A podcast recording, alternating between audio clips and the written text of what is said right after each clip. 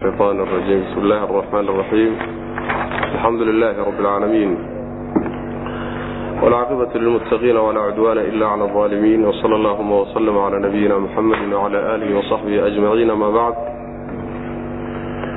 ويقول سبحانه وتعالى يسألونك عن الأنفال قل الأنفال لله والرسول فاتقوا الله وأصلحوا ذات بينكم وأطيعوا الله ورسوله إن كنتم مؤمنين darsigeennu waxa uu caawa ka bilaabanayaa bilowga suurat alanfaal suuradda magacaa leh. Magaceeda waxaa laga qaatay bilowgeeda. Yas'aluunaka cani alanfaal halkaasaa laga qaatay. Suuradda magacaa leh buu marka darsigeennu caawa ka bilaabanaya waa suura madaniya wey waa la isku waafaqsan yahay inay madaniyo tahay. Dhowr aayadood markii laga soo reebo oo khilaaf yar ku jira. Suuraddu mar hadday madani tahay waxaan soo barannay mawduucay ka hadli doonto. Waxay ka hadli doontaa oo ay suuraddu taabanaysaa axkaamta sharciga alle subxaana wa tacaala qaar ka mid a ayay ka hadli doontaa. Khaasatan mixwarka suuraddu ay ku wareegayso ama mawduuca miftaaxa waxay ku wareegaysaa oo tiirdhaxaadkeedu uu yahay axkaamta dagaalka islaamiga ama jihaadka jihaadku sidiisaba waa fariido ka mida faraa'idta ilaahi subxaana wa tacaala u waajibiyey bal nebigeenna uu ku tilmaamay salawatullahi wasalaamu caleyh inuu yahay dirwatu sanaami lislaam islaamka kuruskiisa baarka ugu sarreeya inuu yahay. Culimmada islaamkuna qaar badan ay ku tiriyaan inuu rukniga lixaad ee arkaanta islaamka uu yahay mansiladaasuu gaadhsiisan yahay. Marka axkaam fara badan iyo faahfaahin iyo tafaasiil fara badan ayuu sharcigu ka dhigay oo inoo dejiyey oo ku saabsan dagaalka. Waxaan soo sheegnay marar fara badan oon munaasabaad badan ku soo sheegnay in sharciga ilaahay soo dejiyey subxaana wa tacaala ee kitaabkani uu mastarka u yahay iyo sunnada nebigu sal alla alay wasalam in ay waxay ka tageen nolosha ayna jirin. Qayb walba nolosha ka mida inay wax u dejiyeen oo axkaam u dejiyeen. Qaybtii dagaalka ayaa macnaha waxa weeye axkaamteedii suuraddan iyo suuradda ka dambaysay suuratu tawba. Labadooduba aad bay macnaha waxa weye waxay ugu tiqtiiqsan doonaan axkaamta noocaas. Waxay si gooniya weliba ay suuraddu u tacliiqin doontaa duulaankii caanka ahaa ama dhacdadii caanka ahayd ee khaswatu badar ee ilaahay subxaana wa tacaala nasriga uu ku siiyey muslimiinta. Duulaanka isagaabay faahfaahin dheeraada ka bixin doontaa oy tacliiqin doontaa dhacdadaas oo ay duruus badan ka bixin doontaa.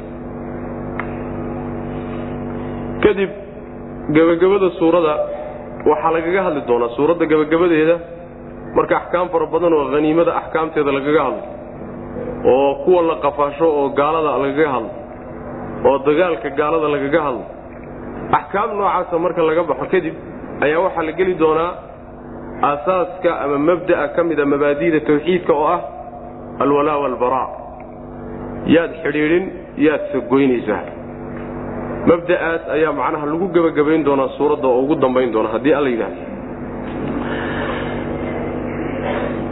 waxuu alla subxaana wa tacaala uu leeyahay bacda bismi illaahi araxmaani araxiim yas'aluunaka cani alanfaal yas'al anfaali haniimooyinkii bay ku weydiinayaan.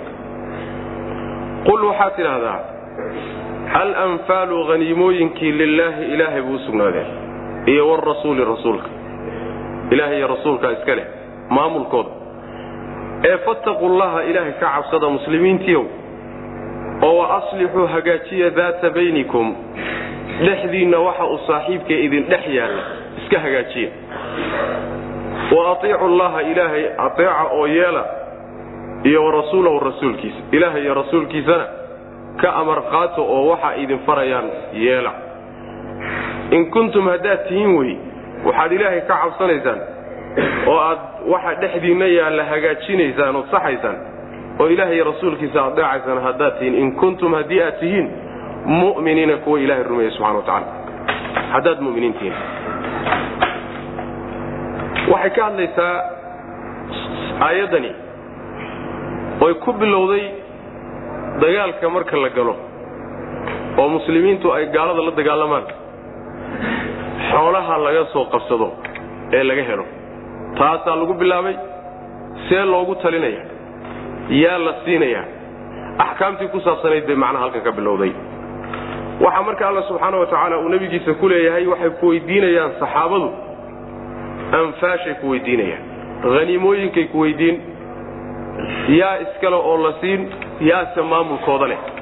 Ma dadkii soo qabsada ee haniimada soo helay yaa iskale mise waxa weeyaan maamulkooda iyo qaybintooda iyo qorshahooda jiho kaleetiyo cid kaleetaa iskale.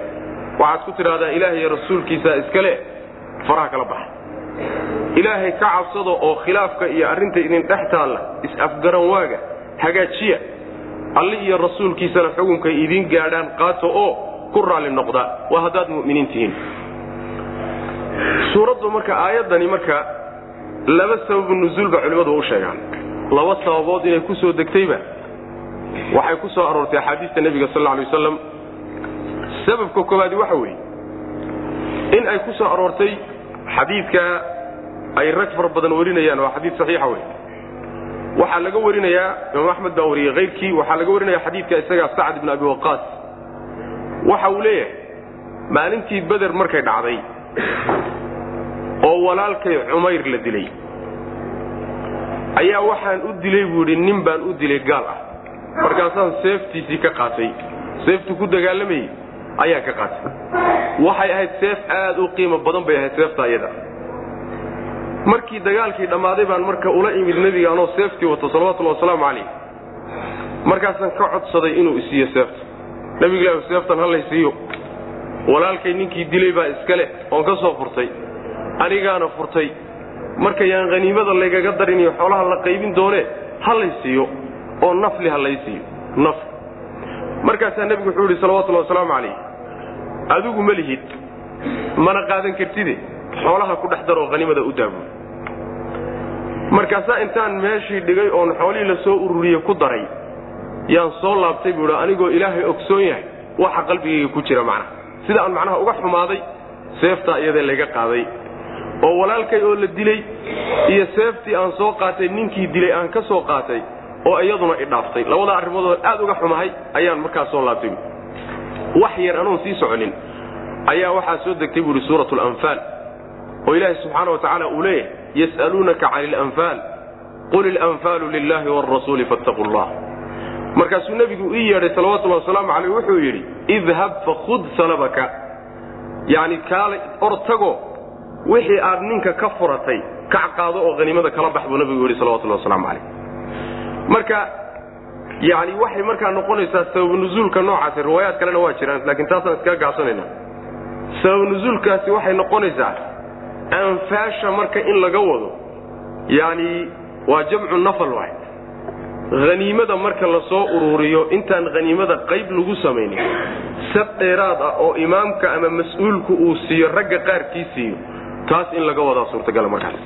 Oo macnaha waxa way sabab nuzuulku sidaasuu noqonayaao ninku markuu ruuxa dilo oo uu gaalka dilo wixii hub iyo uu gaadiid watay soo qabsadaay salab baa la yidhaahdaayo isagaa iska leh. Sidaa inay ku soo degtay bay marka xadiidkaasi uu kutusaya xadiid labaad sabab nuzuulka labaad sababka labaad ee aayaddu ay ku soo degtay waxa weeye waa midka laga warinayo cibaadat bnu saamit waxaa warinaya xadiidka isaga asxaabu sunan abu daawuud iyo tirmidi iyo ibnu maajah iyo nasaai kulli baa warinaya.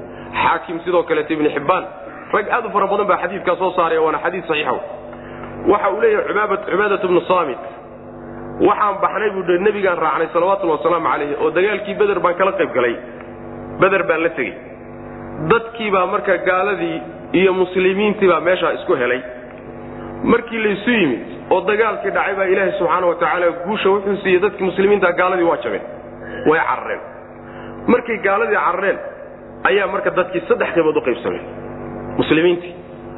Qayb fadal dheer bay noqotayo raggii dhallinyartaha u badan oo gaaladii jabtay iyo cararkeedii iyo fiiggeedii bay fiijisdeen oo ay caydhsadeen raggii cararay ee duurka ku kala cararay ayaa la kala caydhsaday oo ninba nin buu dabagalayo rag halkaasi macnaha waxay u bateen ragna waxay ku mashquuleen. Meeshii nimanku deganaayeen iyo xeradoodii haniimadii iyo xoolahay ka carareen inay ururiyaan. Ila nimankii waa jabeen. Ayaguna halkaasi ku mashquuleen. Qolyo saddexaadna nebiga salawatullahi wasalaamu calayhi difaaciisa iyay isku wareejiyeeno in loo soo dabamaro muslimiintu intay sii jeedaan oo dagaalka ku mashquulsan yihiin inta dhabarjabin lagu sameeyo. Nebigoo salawatullahi wasalaamu calayhi meel dambe ku jira in loo soo dabamaray ka cabsanayeen sidaa daraaddeed bay isku hareereeyeenoo difaac bay ahayen saddexdaa qaybood baa loo kala baxay. Markii dagaalkii intuu gebagaboobay habeenkii laysku soo laabay haniimadiina rag wado. Ragna ay qatan yihiin ayaa raggiiba haniimada soo ururiyeyba waxay yidhahdeen haniimada annagaa soo urursanay shaqana kuma liidin. Annagaa soo ururinay annagaa isku duugnay annagaa soo xambaarnay waxba idinka idinkama gelin annagay gooninota qolyihii dhallinyarta ee ragga laayee caydhsadayna waxay yidhaahdeen maya idinku xoolo ururis baabad ku kacdeene. Nimanka ragga fiijistay ee waxaan kadaataba ka dhiciyey annagaan ahay sidaas daraaddeed annagaa iskale qolyihii nebiga difaacayay salawatullahi wasalaamu caleyh iyaguna waxay yidhaahdeen haddaan annagu nebigaanu difaacaynay xaruntii iyo hogaankii ciidamada iyo rasuulkii dhannaa ayaanu difaacin annagaa idinka muhiimsanoo xoolaha annagaa iskale saddexa qood baa loo kala jaro markaasaa ilaahi subxaana wa tacala wuxuu soo dejiyey yas'aluunaka cani alanfaali qul ilanfaalu lilahi wrasuul wuxuu leeyay marka cubaada sidaa markay edabtanadii iyo akhlaaqdanadii ugu xumaatay xoolihii meesha laga helay yuu ilaahay dhexdanadiiba ka siibay. Waxaa la yidhi waxaanaad macnaha waxa ku murmaysaan ad ku doodaysaanba hawl qaybinteedu idinka idiintaa lamaba ahaba. Waxbana kuma liidi ilaahay iyo rasuulkiisa iskale allahna siduu doono u qaybin iyo rasuulkiisa faraha ka qaada layidhi marka. Saasaa marka dhexdanadaba looga siibay buu leeyahy waxay marka noqonaysaa xadiidkaas in macnaha laga wadaayo ay tahay haniimadii haniimadii haniimadii baa macnaha waxa wey lagu dooday. Haniimadii baa marka nebiga loo gudbiyo nebiga loo u daaya layidhi dadka muslimiinta. Markaasaa ilahi subxaana wa tacala wuxuu yidhi waxay ku weydiinayaan hanaa'imtiibay ku weydiinayaan xukumkeeda. Waxaad ku tidhahdaa hanaa'imta xukumkeeda iyo qaybinteeda ilahay rasuulkiisa iskale macnaha ilaahay baa soo qaybin nebigiisaana fuliye ah salawatullahi wasalaamu calayh mar hadday sidaas tahay idinku hawsha waxba kuma lidin iyo talade ilahay ka cabsada. Oo hungurigan aad ku doodaysaan joojiya khilaafkan arrintan idin dhex taalle iyo isqabsigana aad isqabsateenna yacni hagaajiya. Wa aslixuu daata baynikum khilaafkaa idin dhex galayna ha la hagaajiyo. Ilaahay iyo rasuulkiisana adeec oo qaabkay wax maamulaan iyo qaabkay wax u u qaybiyaan uga dambeeya oo yeela baa lagu yidhi. Waa haddaad mu'miniin tihiina sidaasaa macnaha wax weeyaan iyadana riwaayo kaleeto oo macnaha waxa wey xadiidkaasina sidaasuu kutusaya macna. Markaan ka nimaadna labadaas sabab nuzuul waxay culamadu leeyihiin waxaa laga yaabaa aayaddu inay labada sabab nuzuulba ku soo degtay. Aayado waxaa jira qur'aanka ka mido laba sabab iyo ka badanba leh oo waxay ku dhici kartaa labada dhacdaba ismar bay dhacday.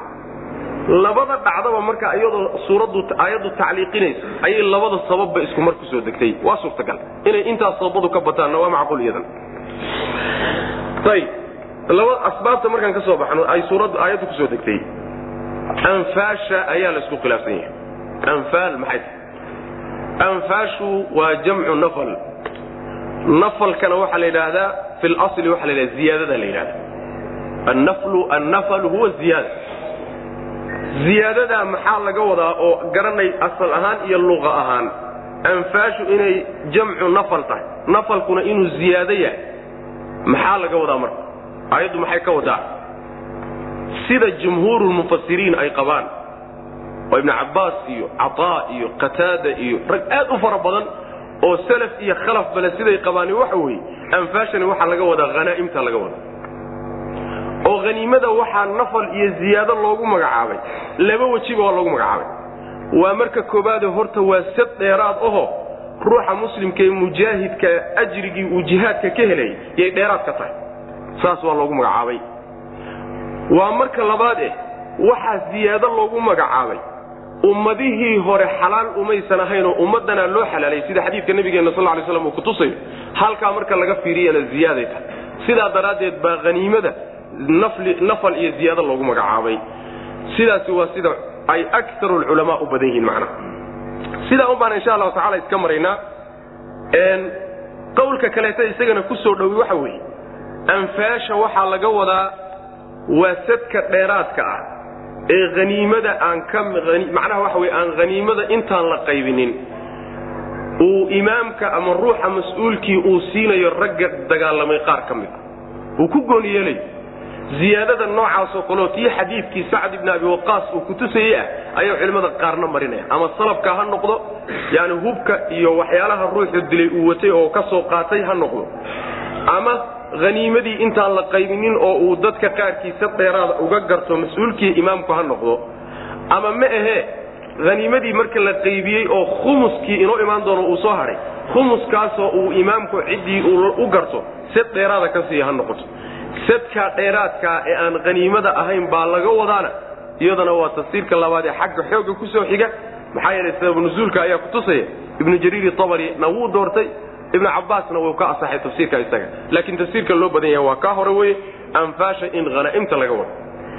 Sidaa markaan idhaahno oon tafsiirka noocaasa dooranno in yas'aluunaka can ilanfaali haniimooyinkiibay ku weydiinayaan xukumkii haniimaday ku weydiinayaan oo waxaad tidhahdaa haniimada xukumkeeda ilaah iyo rasuulkiisaa iska leh ayadda waxay iska hor imaan doonaan oo bushi ka imaan doonaan. Ayadda inu imaan doonto insha allahu tacala suuradda dhexeed waaclamuu annamaa hanimtum min shayin faana lilahi khumusahu walirasuuli walidi lqurba walyataama ila akhir laaya. Yani waxaa inoo imaan doona suuradda dhexeed inoogu imaan doona in haniimadii uusan rasuulku iyo ilaahay aynan wada lahayn iyagu oo aan macnaha waxa weeyaan kulligeed inta la wada qaado aynan ayagu qaybinaynin af shan meelood inta loo qaybiye afar meelood waxaa iskale raggii dagaalamay. Hal meel ah oo khumus ah ayaa marka waxaa iskale lilaahi iyo wa rasuulihi iyo dadka la sheegay. Walidilqurba walyataama walmasaakiin qolyahaasaa isku leh. Khumuskaas marka halkanna waxay leedahay hanaa'imtii oo dhan xukumkeeda ilaah iyo rasuulkiisaa iskale dadkii xoolahan soo qabtay ee soo furtay ee dagaalamay waxba meesha kuma laha. Xaggana wixii la siiyo oo macnaha loo gartaba mooyaane aayaddaasina waxay inoo sheegi doontaa ayagu inay sadka weynba leeyihiin oo afar meelood shan meelood afar meelood inay leeyihiin hal meel ah mooyaane. Marka waxoogaa iska hor imaad baad mooddaa halkaa inuu ka imaan doono. Waxay ku xalinayaan culimmada tafsiirkaa qabtoon yidhi waa culimmadu say u badan yihiin waxay leeyihiin aayaddani waa mansuukha oo waxaa nasakday aayadda inu imaan doonta insha allahu tacala waclamuu annamaa hanimtum dagaalkii beder awalkiisii markay isku khilaafeen ayaa waxaa la yidhi faraha kala baxa qaybinteeda ilaah iyo rasuulkiisa iskale gadaal dambe ayaa marka waxaa soo degtay aayadda inoo imaan doonto la yidhi xoolihii la soo qabsadaaye waa sida soo socotay u qaybsan yihiin. Shan meelood ha loo qaybiyo. Afar meelood dadka dagaalamay baa iska leh. Meel ka midana shanta la sheegay ee inoo imaan doonta insha allahu tacaala ayaa loo qaybinayaa. Sidaasaa marka waxa weye la odhanayaa oo aayaddu marka mansuukhay noqonaysaa tafsiirka isagaa marka la maro. Yas'aluunaka waxay ku weydiinayaan nebiow can ilanfaali haniimooyinka ayay ku warsanayaan. Haniimada lafteedii meha can xukmi alanfaal waay. Haniimooyinka xukumkooda liman hiya? Yaa iska leh. Yaa iska leh oo macnaha wax xaq ahaan u leh. Waliman yaqsimuha yaase qaybinaya sidaasay macnaha ku weydiinayaan. Su'aashu iyo cidda qaybinteeda iskale iyo xaq ahaan cidda ule bay macnaha ku dhacaysa. Qul waxaad tidhahdaa nebiow alanfaalu haniimooyinku lilaahi ilaahay bay u sugnaadeen iyo warasuuli rasuulkay u sugnaadeen. Macnaha ilaahay iyo rasuulkiisaa iska lahoo ayagaa qaybin. Ilaahay baa qaybini subxaana wa tacaala idinkuna qaybtaa ilaahay uu qaybiyey nebigaa idin soo gaadhsiin. Waa inaad marka idinku faraha kala baxdaan. Su'aal inaad ka keentaanna ma aha inaad idinku isa siisaanna maaha inaad ku murantaanna ma aha faraha kala baxa. Ee fattaqu llaha ilaahay ka cabsada. Oo wa aslixuu hagaajiya daata baynikum. Arrinka dhexdiinna ah hagaajiya. Waxa dhexdiinna u saaxiibka macnaa waa khilaafkii dhexdooda galay ee qolyo walba ay isa siiyeen ayagu yidhahdeen xaqa annagaa iskalo annagaa soo qabannay iyo annagaa difaacnay iyo annagaa macnaha waxa xaruntii iyo nebiga ilaalinaynay warkaasoo dhan ka baxalay waxa idin dhex galayna ee quluubtiinna kala galayna hagaajiya oo macnaha waxa weye wanaaggii hore ha lagu soo celiya arrinka wa adiicu llaha ilaahay yeela wa rasuulahu rasuulkiisana yeela. Adeeco oo ka amar qaata waxay idinka reebaanna ka hadha waxay idin faraana fartooma wey. Waxaa ugu horreeya qaabka nebigu wax u qaybiyey salawatullahi wasalaamu calayhi qaabkaa isaga waa inaad uga dambaysaan. Ood ku adeecdaanoo raalli aad ku noqotaan wey macna. In kuntum haddaad tihiin mu'miniina kuwa rumeeyey kuwa ilaahay iyo rasuulkiisa rumaysan haddaad tihiin saa yeela waxaa shardigan loo keenay tahyiij baa la yidhahdaa. Yacni waa lagu kicinahayaayo haddaad iimaanku daacad idinka yahay saa yeela wey macna. Maxaa yeelay? Yani ruuxa iimaanku daacad ka yahay baa intan la imaan alla ka cabsi dadka waxa dhex yaalla ee fasaadka oo la hagaajiyo iyo sidoo kaleeto ilaahay iyo rasuulkiisa oo la adeeco laga dambeeyahay ruux mu'mina oo iimaan la unbay macnaha ka dhacaysa. Marka saasuu ilahi subxaana wa tacala arrintaa iyada ee muslimiinta soo dhex martay uu ku furdaamiyey subxaana wa tacala inama almu'minuuna aladiina ida dukira allahu wajilat quluubuhum waida tuliyat calayhim aayaatu zaadathum iimaana wacalaa rabbihim yatawakkaluun kadib baa ilaahi subxaana wa tacaala wuxuu gudagelay inuu ina siiyo dadka mu'miniinta iimaankoodu dhammaystiran yahay tilmaamaha ay leeyihiin inama almu'minuuna mu'miniintii alladiina kuwa un weeyey idaa dukira allahu marka ilaahay la xuso wajilat ay cabsanayso gilgilanayso quluubuhum quluubtoodu ay argagaxayso. Waidaa tuliyat markii la akhriya calayhim dushooda aayaatuhu ilaahay aayaadkiisa marka lagu dul akhriyana zaadathum waxay u kordhinaysaa aayaadkaasi iimaanan iimaan bay u kordhinaysaa. Wa calaa rabbihim rabbigood dushiisana yatawakkaluuna kuwa tala saaranaya. Dadka mu'miniinta ah yacni ee la soo sheegay iimaanku la yidhi haddaad mu'miniin tihiin arrinkaa la soo sheegay qaata. Mu'miniin yaa la dhahaa. Maxaa lagu yaqaanaa dadka mu'miniintaa tilmaamaha iyo astaamahay leeyihiin maxay tahy astaamahay leeyihiin waxa weeye ee ay munaafiqiinta kaga soocan yihiin gaaladana kaga soocan yihiin waa tilmaamaha kow waxa weeyaan waa dad marka ilaahay la xusuusiyo oo ilaahay macnaha waxa weeyaan la xuso oo lagu cabsiiyo rabbi subxaana wa tacaala quluubtoodu way saamoobaysaa isbeddel baa ku dhacaya. Quluubtooda cabsi baa gelaysa argagax baa gelaya ma qallafin oo quluubtoodu ma adkaanin ee quluub jilicsan bay leeyihiino? Markii ilaahay ka cabsa la yidhaahdaba argagax iyo cabsi ay ku dhacayso.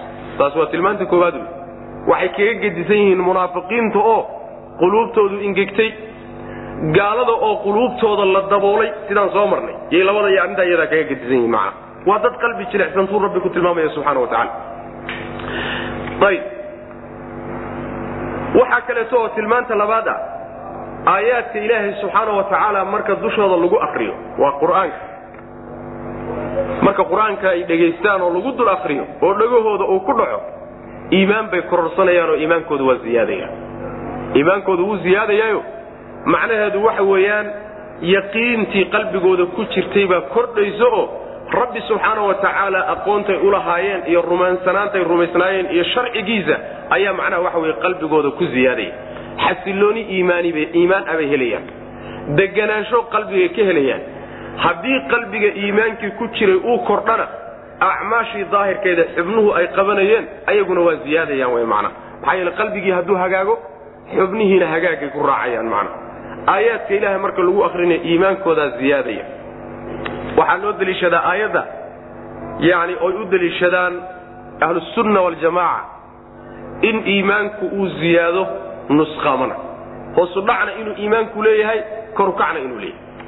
Sidaasi qolyaa diiday oo niman yani waxa wey firaqu daalla ka mida ayaa diiday laakiin warkoodu war la dhegaysanaya. Ma ah iimaanka sida qur'aankuna kutusaya sunnada nebiguna kutusaya salawatullahi wasalaamu calayh dadku waa ku kala fiican yihiin dadna iimaankoodu waa kaamil ama kamaal buu ku dhow yahay. Dadna iimaankoodu waa naaqis dadna iimaanba malhaba iimaanku marka wuxuu leeyahay darajaad iyo kala sarrayn buu leeyahay. Iimaankaa u siyaada buu marka rabbi leeyahay subxana wa tacala waxaa kaloo tilmaanta saddexaad ee lagu yaqaana ay tahay wa calaa rabbihim yatawakkaluun. Ilahay bay tala saartaan subxana wa tacala macnaheedu waxa weeye arrintooday ilahay u dhiibtaan yufawiduuna umuurahum ila allah. Arrimahooday ilaahay uga dambeeyaano kalsooni buuxday ilahay ku qaban subxaana wa tacala waxay rumaysan yihiin inuu kownkan alla mooye cid kaloo maamushaaya ayna jirin. Wuxuu doonana inaan laga hortegi karin wuxuusan dooninna inaan laga keeni karin oon laga dhalin karin ayay rumaysan yihiin. Mar hadduu arrinku sidaa yahayna talo oo dhan ilaahay baa haya isaga taladiisayna ku kalsoon yihiin isagayna arrintooda u dhiibteen isaga keligiibay ka cabsanayaan keligiibayna rajaynayaan isagay macnaha arrimahooda uga dambeeyaan. Wa calaa rabbihim yatawakkaluun. Yani waxa uu leeyahay saciid ibnu jubayr altawakulu cala allahi jimaacu liimaan. Iimaanka kulankiisa iyo meesha uruurisaay waxa weeye waa tala shaarashada ilahay subxana wa tacala la tala saarto macnaha darajaadka iimaanka ugu sarreey wey tawakul inuu ilaahay ku kalsoonaado addoonku oo rabbigii subxaana wa tacala uu arrimihiisa u dhiibto. Inama almu'minuuna mu'miniintu alladiina kuwa un wey yani waa lagu koobay inamaadu waa adaatu xasrin baa la yidhahdaayo. Mu'miniintay waxay ku koobaysaa dadka tilmaamahan laga helay oo keliya. Qolo kaloo mu'miniina mama jiraan. Waxaa la leeyahay bay culimmadu leeyihiin xasrigani waxaa laga wadaa kamaaluliimaan dadka iimaankoodu kaamilka uu yahay waa dadka tilmaamahan laga helay. Ee macnaheedu maaha tilmaamahan haddii lagaa waayahay ama ay kaa kala dhinmaan inaadan macnaha waxa weeyaan muslimba ahayn macnaha sidaasay culimmadu tilmaamayaano xasrigu waa kamaal xaggiisu macnaha u dhacaya. Inama almu'minuuna mu'miniintu alladiina kuwa un weeye idaa dukira allahu haddii alla la xuso wajilat ay argagaxayso oy cabsanayso quluubuhum quluubtooda ayaa cabsanaysa. Meelo kaleu ilahay ku sheegay subxana wa tacala agga waa inaga ku soo marnay in ay yani ilaahay subxaana wa tacala reer bani israa'iil iyo dadka quluubtoodu qallaftay markuu ka sheekaynayay yani quluubtoodu inay sida dhagaxyaantoo kala noqotay sidii loo waaninayay bal dhagaxyaantaba ay ka sii adkaatoo dhagaxu dhaamo. Waxaa kaloo inoo imaan doonta ilaahay subxaana wa tacaala inuu aad uga dayrin doono dadka quluubtu ay ingegtay oo quluubtoodu ayna waxbaba macnaha waxa weeye saamaynayn haddii naar looga sheekeeyo iyo haddii janno looga sheekeeyo iyo haddii awoodda alle iyo ciqaabtiisa looga sheekeeyo iyo haddii wax walba loo sheego qur'aan iyo xadiid lagu dul akriyahay wax isbedela ma laha qalbigiisuna isma bedelayo noloshiisana waxba iskama bedelayaan ka noocaasoo kaleeta a marka ama waa munaafiq ama waa kaafir. Labadaa kama dhexeeyo laakiin mu'minka laabudda isbedelku intuu dooniba ha dhannaadee qalbigiisa waa inuu isbeddel ku dhaco intuu dooniba ha dhannaado saas way macana waidaa tuliyat haddii la akriyo calayhim dushooda haddii lagu akriyo aayaatu ilaahay aayaadkiisa haddii lagu dul akriyo waa aayaadkii qur'aanka. Zaadathum waxay u kordhinaysaa aayaadkaasi. Iimaanan iimaan bay u kordhinaysaa yani sida inoo imaan doonto insha allahu tacala fi suurati tawba. Waida ma unzilat suuratun faminhum man yaqulu ayukum zaadatu hadihi iimaana faama aladiina aamanuu fazaadathum iimaanan wahum yastabshiruun iimaan bay u kordhinaysaayo way bishaaraysanayaan waama aladiina fii quluubihim maradun fazaadathum rijisan ilaa rijisihim wamaatuu wahum kaafiruun qurunkii iyo shakigii ku sii jiray unbay qolyahan u sii kordhini aayad walba iyo astaan walba haddii la tuso. Laakiin dadka muminiinta sidaa maaha iimaan iyo macnaha yaqiin ayay siyaasanayaan oo aayaadka rabbi ka siyaasanayaan wa calaa rabbihim rabbigood dushoodana dushiisana yatawakkaluuna ayay tala saaranayaan arrimahooda u dhiibanayaan oy ku kalsoon yihiin oy uga dambeeyaan. Aladiina yuqiimuuna asalaata wa mima razaqnaahum yunfiquun. Tilmaamahoodii baa la sii wada aladiina muminiintaasoo yuqiimuuna hagaajiya asalaata salaada toosiya. Wa mima razaqnaahum waxaanu siinay qaarkii oon ku irsaaqinayna yunfiquuna bixinaya tilmaamahooda waxaa ka mid a salaada oo rukniga labaad ee arkaanta islaamka ka mid ay toosinayaan. Waxay leeyihiin mufasiriinta selafka sida qataade iyo keyrkii salaada iqaamadeeda waxaa laga wadaa in waktigeeda la ilaaliyo oo weysadeeda iyo dahaaradeeda la ilaaliyo oo qaabka loo samaynayo la ilaaliyo kaasaa macnaha iqaamada la yidhaahdaa. Yacni inay u dhacdo si waafaqsan kitaabka alle iyo sunnada nebiga salawatullahi wasalaamu calayh oo ruuxa samaynaya cilmi uu leeyay sidaa markay u dhacdaa iqaamatu sala la yidhahda qur'aankuna sidiisaba salaada tukashadeeda wuxuu isticmaalaa iqaamataha. Iqaamada iyo tukashaduna waa kala tahay. Tukashada waxaa la dhihi karaa nin walboo sii jeestay waa tukaday baa la dhihi karaa. Laakiin waa toosiyey oo wuu hagaajiyey. Nin hagaajiyey mooye nin kaleeta lama dhihi kara wey macna. Marka salaada ayay toosiyaan buu rabbi leeyahy subxaana wa tacaala oo sidii loo dhigay sharcigu u dejiyey bay u tukadaan wa mima razaqnaahum yunfiquun. Waxaanu ku irsaaqnay oon xooloon siinayna qaar bay ka bixiyaan. Waxaa laga wadaa sadaqada waajibka zakadii waajibka ahayd iyo nafaqaadka xoolaha waajibka ku ah. Iyo sidoo kaleeto sadaqaadka tadawuca ee ruuxu uu aan waajibka ku ahayn intuba way soo gelayaan saas way macnaa caam wey waxay ku tilmaaman yihiin dad bakayla ma ah dad gacma ad adag ma aho xoolihooda waajibkii ku waajibay diido oo ka gaabiya ma ahe xoolahoodana waxay ka bixiyaan wixii ku waajibay ama nafaqo iyo xuquuq xoolaha lagu yeeshaa noqoto ama zakadii waajibka ahaydba ha noqoto. Salaadana way hagaajiyaan bu rabbi ilahi subxana watacala alladiina kuwa wa yuqiimuuna salaata salaada hagaajiyo oo toosiya. Wa mima razaqnaahum waxaanu ku irsaaqnay qaarkiina yunfiquuna way bixinayaan. Ulaa'ika kuwa tilmaamahaa leh hum ayaga keligoodba almu'minuuna kuwa iimaanka la yimid ee alla rumeeyey ah xaqan iimaanan ayay rumeeyeen xaqan oo xaqa. Iimaanan iimaan dhab ah oo gar ah oo shaki ku jirin bay rumeeyeen. Lahum waxaa u sugnaaday qolyaha iyagaa darajaatun bay leeyihiin darajooyin. Cinda rabbihim rabbigood agtiisa waxay ku leeyihiin darajooyin kala sarsareeya. Wa makfiratun dembi dhaafna way leeyihiin wixii dembi ee ka dhacay loo dhaafi doono wa risqun risqi iyo masruufna way leeyihiin kariimun oo wanaagsan oo lagu maamuusi doono insha allahu tacala dadka muminiinta ah kuwa unbaa abu rabbilahi subxana watacala dadka laga helay qalbigooda inuu macnaha waxa weye dhalaalo oo isbedelo aayaadka rabbi subxaana wa tacaala markay dhegaystaanna macnaha waxa iimaan u kordho. Rabbigoodna tala saarto oo ku xidhan oo ku kalsoon. Salaadana hagaajiya xoolahoodana wixii ku waajibiyey ka bixiya. Kuwa unbaa muminiin kuwa unbaa muminiina saasuu ilahi subxana wa tacaala weliba iimaanka xaqa ee dhabta kuwaas way kuwa leeyihiin inta kale inay sheegataad garani marka. Iimaanka xaqa hadday qolyahani la yimaadeen qolyaha laga waayey haddana iimaanka sheeganayahay waa sheegad wey waxoodu marka. Ma dhaafsiisna inuu afka keliya yahay. Laakiin xaqiiqa ma laha. Xaqna maaha sheegashadoodaasi macna. Qolyahaasi jannada dhexeeda ku darajooyin manaasil kala sarsaray. Manaasilshaas waa midda xadiidka nabigeena ku soo aroray salawatullahi wasalaamu caleyh cidba cidda ka sarraysa waxay u arkaysaa oo ugu muuqanaya darajaadkiisu. Sidii macnaha weye xidig jiho aad u ka muuqdoo kale.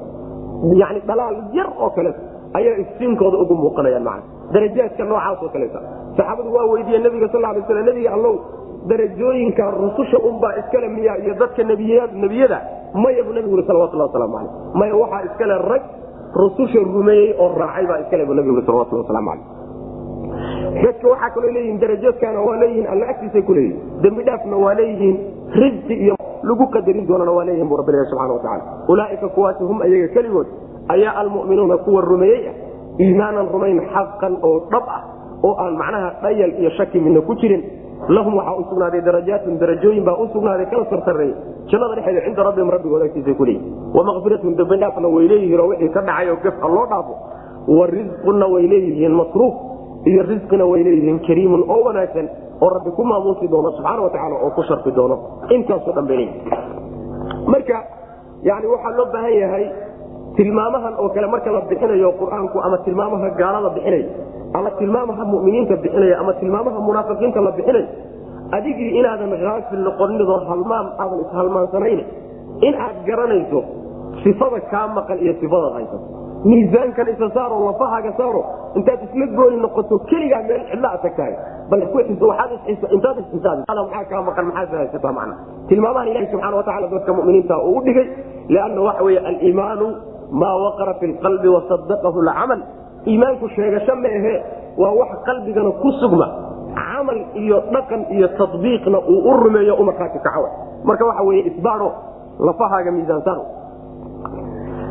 kama ahrajaka rabuka min baytika bilxaqi waina fariiqa min almuminiina lakaarihuun kama ahrajaka siduu ilahay kuu saaray kaaftani meel bay ku xidhanta alanfaalu haniimooyinkii saabitatun mid sugan weya laka adiga kuu sugan haniimooyinkii qaybintoodii adaa iskale ninkii diidiba ninkii karaahaynba karahaysan baa karahayste kamaa sida oo kale akrajaka uu kuu bixiye rabuka rabbigaa min beytiga guriga kaaga bixiyey bilxaqi ikhraajan bixin oo mutalabisan bilxaqi xaq ku dheex walxaal ayuu alla ku bixiyey ina fariiqan koox oo min almuminiina muminiinta ka mida lakaarihuuna bixitaankaaga ay nacbaysanayaan macnaheedu waxa weye labaa laysku shabahaya laysu ekeysinaya haniimadii la yidhi nebigaa qaybinaya salawatulhi wasalaamu calayhi oo shaqo kuma lihidin rag baa waxoogaa yaro karahaysta waanadii iyo hadalladii aan soo barnayn ku dhacayen ama ha karahaysteen ama yaysan karahaysanin maamulka iyo maaraynta iyo qaybinta haniimada adaa iskale sida ilaahayba uu xaqu macnaha waa xaq ahaan iyo gar ahaan baad u leedahay. Waxay la mid tahay midaasi oo u eg tahay siduu ilaahayba kuu bixiyey oo uu madiine kaaga bixiyey gurigaagana kaaga saaray. Bixintaas oo mid xaqa oo dhab ahayd ayadoo qaar muslimiinta ka mida ay karahaysanayaan oo necbaysanayaan bixinta iyada macnaa waxa wey xukunkaa hore lagu siiyey adiga iskale ninkii karahaysan ba ha karahaysay bixintan ilaahay uu ku bixiyeyna waa mid xaqa oo dhab ah. Ninkii karahaysan ba ha karahayste xaggaasaa marka laskaga shabahayaayo labada arrimood lasaga ekeysinay qolyo kaleetona meelo kale ku xidhayaan laakiin kaama iska marayn halkan laga bilaabo ilaa tax aan ka gaabin waxay suuradahan aayadahan ay ka waramayaan dullaankii aan nidhi suuradda tiirdhaxaadka ay ku wareegeysay ka sheekaynaysa wey ayaa meesha laga bilaabay. Waa dullaankii caanka ku ah lagu yaqaana dullaankii beder ama aswatu bader qaswada iyada ah ayay aayaadkani ka warramayaan. Qaswadaasi waxay dhacday sannadkii labaad hijrada nebiga salawatulhi wasalaamu aleyh marka laga soo bilaabo bishii ramadaan ayay dhacday. Duulaankaasina wuxuu ahaa si kooban marka loo soo ururiyo nebiga salawatulhi wasalaamu aleyh markuu maka ka soo hijroodo madiine yimid wuxuu ku soo hijrooday colaad ka dhaxaysay isagiiyo tolkii iyo dadkii uu ka dhashay ee reema ka ahaa. Ayuu madiine ku yimid. Madiine markuu yimidna nebiga waxaa soo dhaweeyey salawatulhi wasalaamu calayhi labadii qoys ee meesha deganaa ee aws iyo khasraj ayaa nebiga salawatulhi wasalaamu calayhi arinkiisii la wareegay oo nebigu uu ku degay salawatulhi wasalaamu calayh. Hal sano iyo markuu joogay nebigu sal lay waslam waxoogaa oo sannadkii labaad uu joogo madiine joog ayaa marka waxaa dhacday nimankii reer quraysheed ee colka ay ahaayeene dhibkii la ogaa soo mariyey nebiga salawatulhi wasalaamu aleyh dacwadii ayaa waxaa soo martay waxay soo sameeyeen yani socdaal ganacsi ah oo ay doonayaan inay shaam kaga soo ganacsadaan shaam inay kaga soo ganacsadaan tijaaradooduna saasay ahaan jirtayo yamanna mar bay aadi jireen marna shaam bay aadi jireen. Midda shaam aadda markaya waxay ag mari jirtay madiine agteeday mari jireeno jidkoodu halkaasu ahaan jirta socotadooda ganacsiga markay shaam u ama ka soo noqonayso. Nebiga marka salawatulhi wasalaamu calayh go'aan wuxuu ku gaadhay ganacsigooda halkaa marhaya inuu dhabarjabin ku sameeyo. Oo jidka isaga ka gooyo. Xoolahooda halkaa marayana inuu qabsado ilaan colaad baa ka dhaxay wax nabadgelya meesha ma jirto. Cadaa lagu soo kala tegey ayaguna in alla intay doonaan inay gaadhsiiyaan bay diyaar u yihiin. Asaguna markaas markan waa xoogaystay oo ninkii la caydcaydsanahayey ma ahe yani waxa qabaail xoog badan buu dalka saaray nebigu salawatulhi wasalaamu calayh. Waxaa dhacday marka wuxuu ka war helay nebigu salawatulhi wasalaamu calayh. Safar aad dhaqaale aad u fara badan iyo xoolo fara badan wada oo ninkii la odhan jiray abu sufyaan uu oday u yahay in ay intay maka ka soo baxday ay shaam aadi rag kooxa buu u diray nebigu salawatulhi wasalaamu calayh way ka fakatay way ka hormartay. Markay ka hormartay soo noqodkeedii yuu nebigu salawatulhi wasalaamu aleyh wuxuu isu diyaariyey asaga laftiisa intuu baxo oo saxaabada intuu kaxaysan kara kaxay inuu jidka u galo. Oo socotadaasi la soo qabto. Faa'iido weyn baa ku jirta xoolaha intaa dhan waa xoolo aad u fara badan wey konton kun oo macnaha waxa weyaan maaratay oo dahaba diinaar baa lagu qadaray. Lacagta macnaha waa xoolaha ay wadeen. Waa xoolo aad u fara badan wey xoolihii qurayshado dhan baa meesha ku jira. Marka cadowgaagii waxay ku tahay naafi weyn bay ku tahay. Ta labaadna waxay u tahay dhaqaale aad u xoog badan oo dawladdii muslimiinta u soo hoyatayo waxyaalo fara badan lagu kala furdaamin doono wey ta saddexaadna rag baa meesha la socdo raggaasaa la doonaya in la soo qaqabto faa'iidooyin fara badan baa mar ku jirta ta kaleeto waxaa la doonayaa jidka iyo naaska u irmaan reer maka inuu ka go'o oo markaasi ay ku noqoto cunaqabatayn iyo darba iqtisaadiya inuu ku noqoto faa'iidooyin fara badan baa marka nebigu salawatulhi wasalaamu aleyh ugu jirtay duulaanka isagaaba marka nebigu wuxuu sameeye sal lay slam talagal ah in uu meesha intuu tago dagaal weyn galo muusan ku talagelin. Wuxuu ku talagalay inuu safartaas iyo xoolahaas soo qabsado. Sidaa daraaddeed si degdega unbuu nebigu salawatulhi wasalaamu aleyh wuxuu ku yidhi waan baxaynaa hala istiyaariyo ninkii bixi karo ninkii raaci karona ninkii macnaa waa aan raaci karon iska. Saxaaba aad fara baa marka hadho madiine ku hadhay. Boqol macnaa saddex boqol iyo dhowr iyo toban nin buu nebigu kaxaystay salawatulhi waslamu caleyh laazimna ma ahayn duulaanka in nebiga la raaco.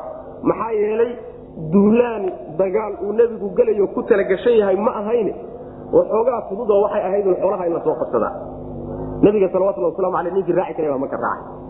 Waa la tegey markii lagu dhowaaday meeshii ay maraysay safartu ayaa ninkii laodhan jiray abu sufyaan oo odayga ka ahaa xoolaha meesha maraya iyo socotadaas yaa waxaa soo gaaray in jidkii ay safartu mari lahaydee xooluhu mari lahaayeen jidkii isaga ahaa inuu muhadid yahay. Oy suurtagal tahay inuu muxamed intuu ku soo durko lagu qabto oo macnaa waxa wey adig iyo xoolahaba lagu qabto. Markaasaa wuxuu sameeyey wuxuu soo diray ilaalo ilaalo iska soo hormariyey. Ilaaladiibaa waxay aragtay raadka saxaabada iyo nebiga iyo wax kala kulmeen. Markaasay abu sufyaan waxay u geeyeen war meesha niman aan garan weynay oo reer madiina aan u malaynay baanu meelahan ku aragnay abu sufyaan markiiba digniin buu helay. Digniintii markuu helaybu wuxuu sameeyey safarkii intuu jidkiisii ka leexiyey iyuu xeebta mariyey. Jid aan lagaba filayninba xeebtu qaaday. Intaa iyo wuxuu isku daray tilaabo labaad tilaabada labaadi waxay ahayd nin la jiray damdam ibnu camrin. Ayuu diray oo aad u dheeraynahay oo wuxuu yidhi intaad maka tagto.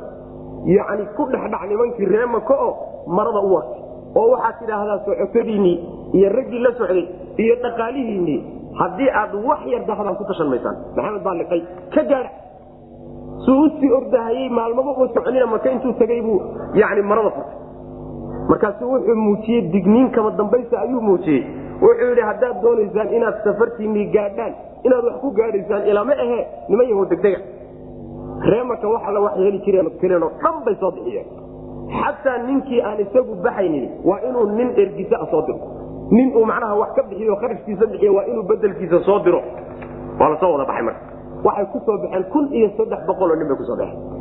Waxaa la doonaya marka safarta in la badbaadiyo dhexda markay soo socdaan ayaa abu sufyaan baa waraaqu diray markuu ogaaday inuu badbaaday oo uu ka badbaaday inuu gacanta nebiga ku dhaco salawatullah waslamu caleyh yuu waraaq diray.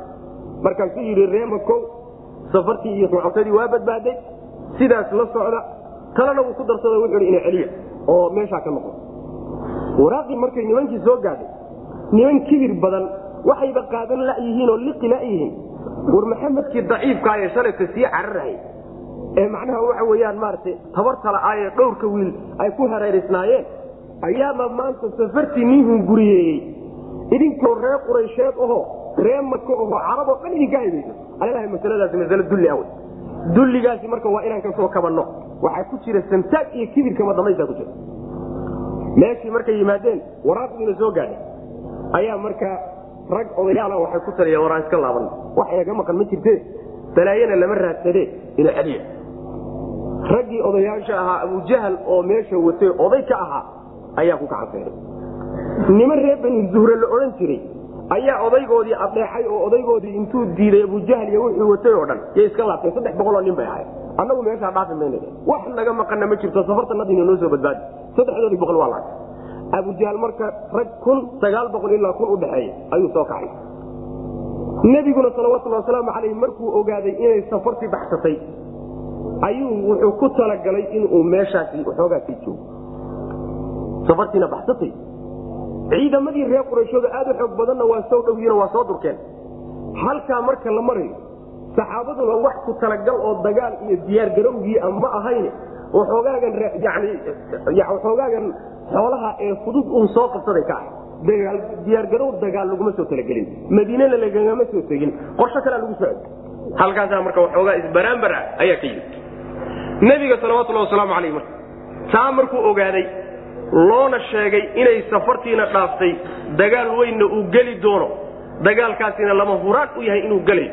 Ayuu marka nebigu saxaabada la tashaday salawatullah wasalaamu calayh marka tala bixiye laba nin baa muhaajiriinta u hadlay dhowr nin baa u hadlay. Markay muhaajiriintii hadleen oo nebiga ku booriyeen oo yidhaahdeen go'aankaad qaadataba diyaar baan u nahay dagaalkaana waxa weeye nimankaasi hadday joogi waayaan inaanu gallaannu diyaar u nahay waana casan ayaa nebigu salawatullah wasalaamu calayhi wuxuu damcay nimankii reer ansaareed aws iyo khasraj oo labadii qabiil ee martida loo ahaa ah inuu bal iyagana ra'yigooda dhegaysto. Markaasu wuxuu ihi bal idinkuna hadla. Ninkii odayga baa u hadlay sacd markaasaa wuxuu ihi nebiga allow yacni waxa weeyaan waxaad cidda aad hadalka ka doonayso inaan annaga nahay baan yani u fahmay haddaad annaga naga doonaysana annagu hadda ka hor annagaa ku soo dhaweyno meeshan ku keennay inaan ku difaacnana annagaa ballan qaadnay. Rag dagaal yaqaanana waanu nahay oo nimankan iyo annagu waa isnaqaanaa haddaad maanta tidhaahdo badda gala oo badda aad nala muquurato waa kula muquuranayna meel alla meeshii adiga go'aan uu kuula muuqdo ku dhaqaajibo markaasuu nebigu sal lay waslam aad u farxay oo wuxuu ku farxay go'aanka uu ka helay saxaabadiisa sal lay waslam wuxuuna markii hore waxoogaa nabiga u muuqday sal lay waslam nimankan martida loo yahay ciidankana u badanee ree os iyo ree khasraj nebiga markay keenayeen madiina ballan ah waxay ku keeneen guryahooda wixii ugu yimaadoon inay ka difaacayaan. Wuxuu isagu doonto laakiin aan macnaha waxa kuma jirin. Ajendayaalkii heshiiska kuma jirin. Tan laakiin doonasho wey marka inay garabkiisa ka baxaan oo yidhahdaan tan maynaan ku heshiinin. Yaa cabsi noocaas oo kaleet markuu go'aankaa ka helay nabigu salawatullah wasalaamu calayh ayuu marka waxa weeyaan wuxuu macnaha dejinayaa qaabkii loo dagaalami lahaa iyo istraatiijiyada meeshii la degi lahaa ee nimankan lagu sugi lahaa iyuu markaa nabigu gudagalay salawatullah waslamu calayh. Adiga hadalku waa iska dheeryahay yani ghaswada iyo tafaasiisheeduna waa dheertahay gebagabadeedu waxa wey waa laysu yimid meeshii baa dagaal ka dhacay. Dagaalki ilaahi subxaana watacaala guusha wuxuu ku raaciyey dadka muslimiinta ah toddobaatan bay ka dileen. Abujahlkii odaygaha uu ku jiro toddobaatan odayaal u badanna waa la soo qafaashoo nolol baa lagu qabtay. Intii kalena waxa wey shadaramadaray ka dhaceen. Meel alla meelay aadin lama yaqaan. Duurkay ku kala fideen. Markaasaa fuluulkoodii iyo cararkoodii maalmo kadib maka nin walba isagoo carar uma ka tegey. Halkaasay macnaha ka dhaceen.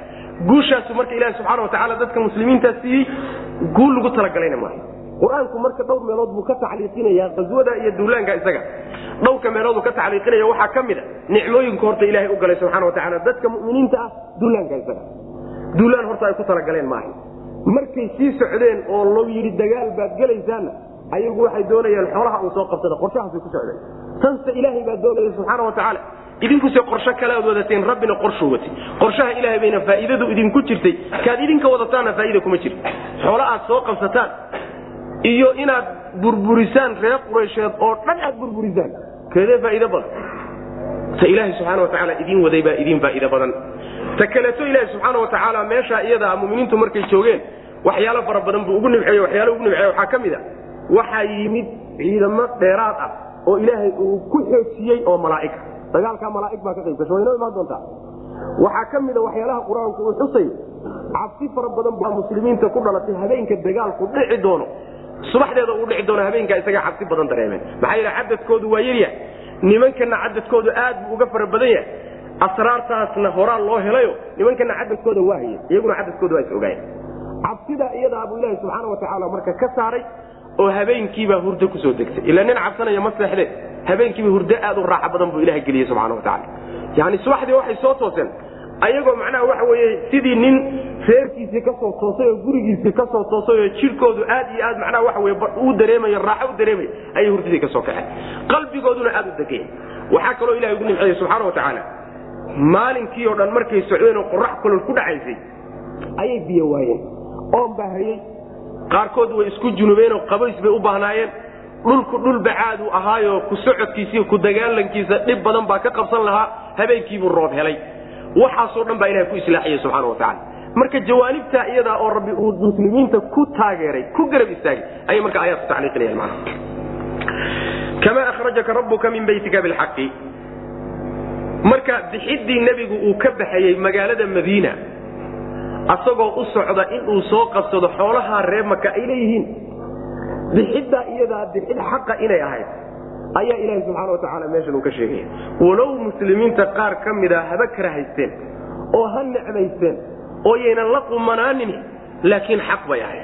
Inay xaq ahaydna natiijooyinka ka dhashay iyo midhaha ka baxay ayaa macnaha kutusaya marka xaqnimadeedu waxay kutusaysaa bixinta aad baxday xaqnimadeeda iyo xoolihii qaybinteeda lagu siiyey garnimadeeda labadaasaa isog macnaha.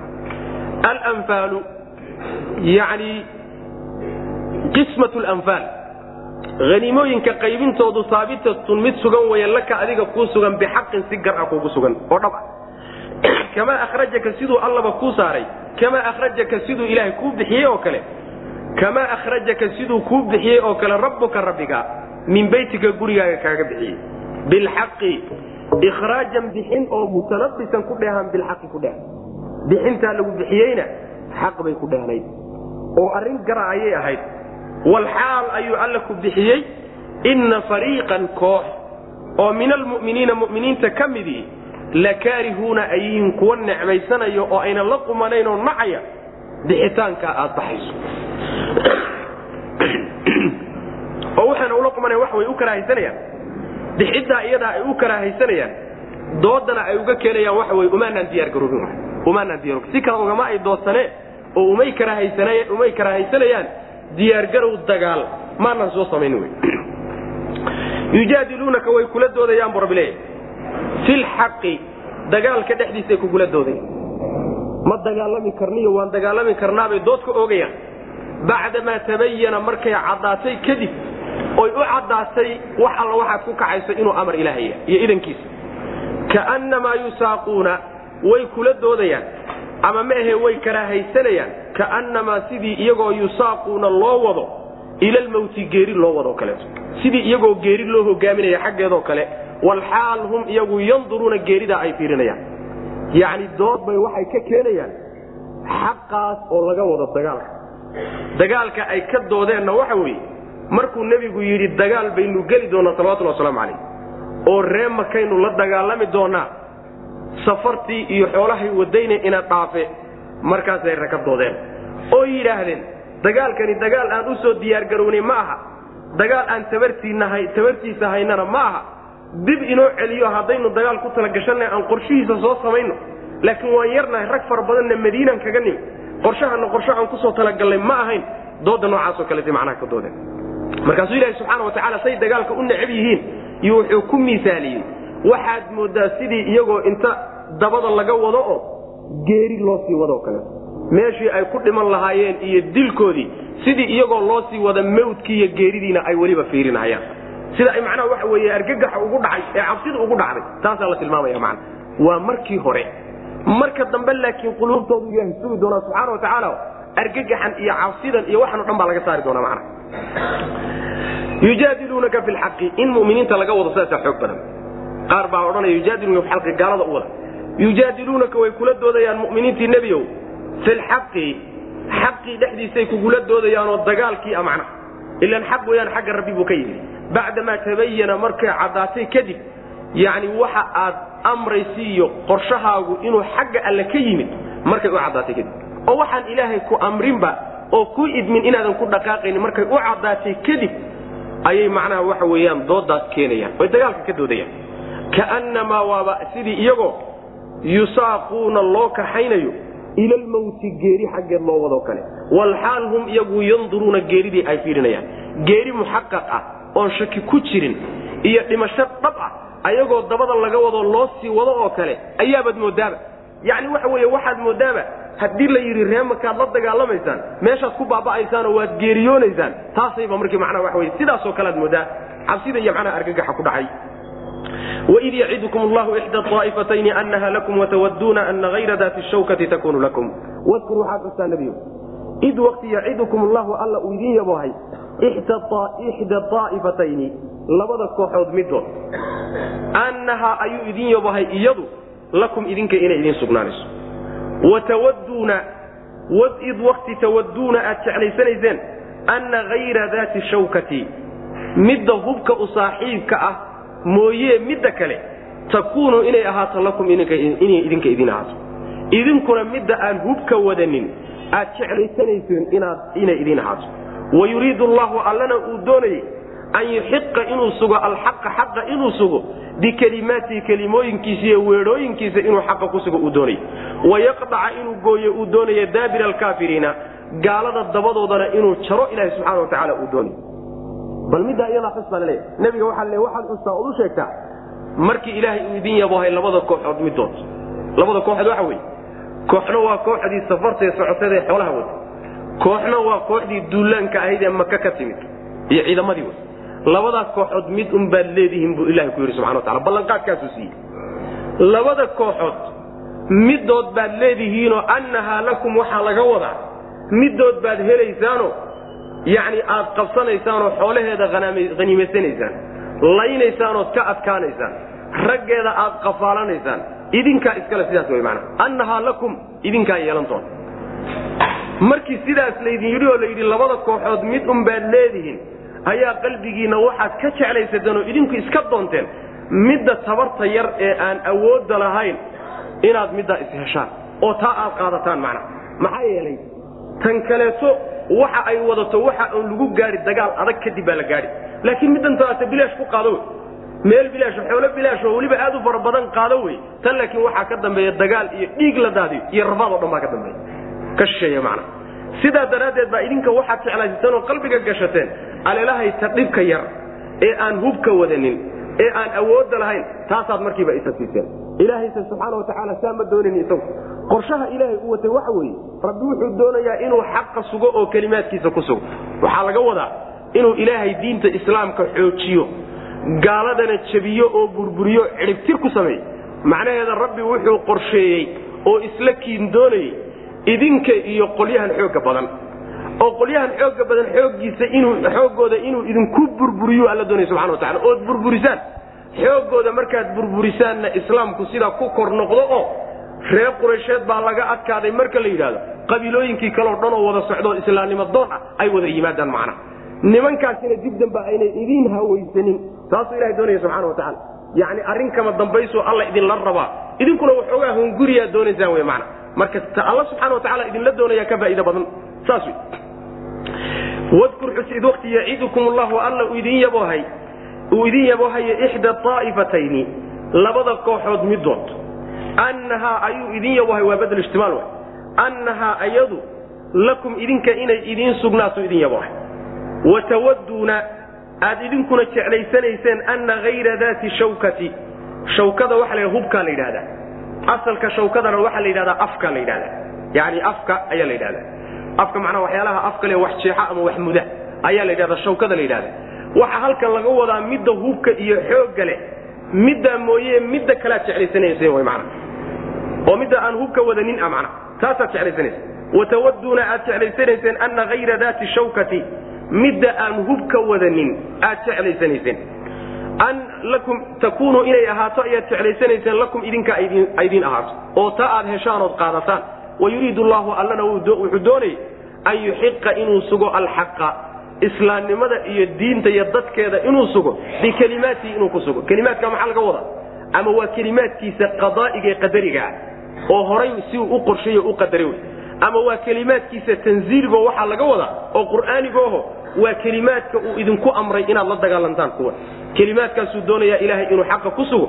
Wayaqdaca inuu gooyo ayuu alla doonayaa daabira alkaafiriina gaalada dabadooda inuu jaro maxaa laga wadaa daabir alkaafiriin? Yani inuu cidhitir ku sameeyo horaan u soo marnay. Daabir alkaafiriin inuusan midna ka reebin wey maana maxaa yeelay meesha toddobaatanna lagaga dilay toddobaatan odayaalla lagaga qabsaday hub fara badanna lagaga helay meeshaasay ahayd cidhibtir buu marka ilahi subxana wa tacala ku sameeyey. Taasuu ilahay doonaya subxana wa tacala ayib iraadada ilaahay tanay ahayd suu doonaya idinkuna sidanaad doonayseen.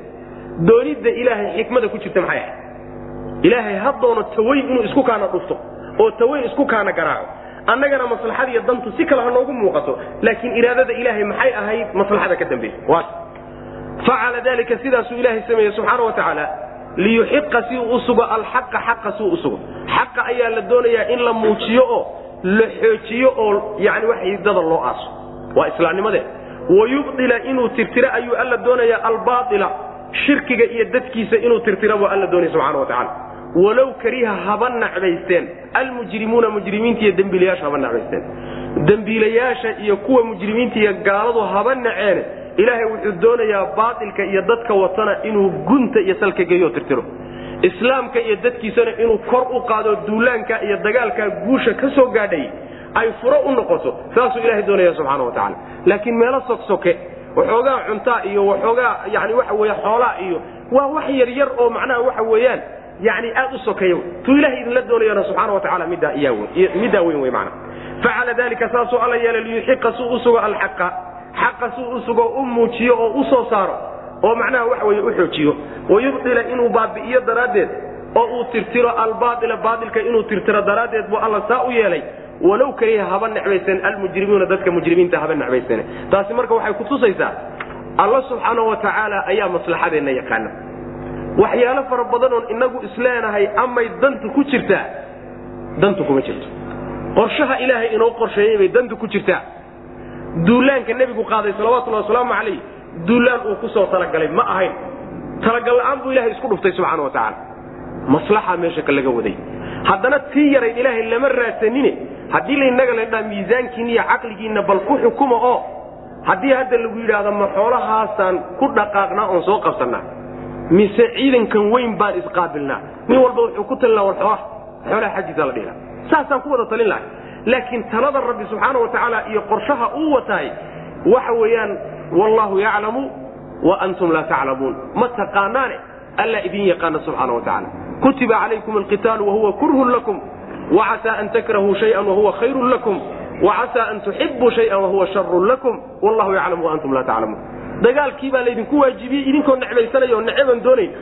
Maxaa yeelay dil iyo macnaha xoolo layska qaado iyo carruurtii oo agoontowda islaamihii oo carmal noqda burbur fara badan ayaa ka imaan.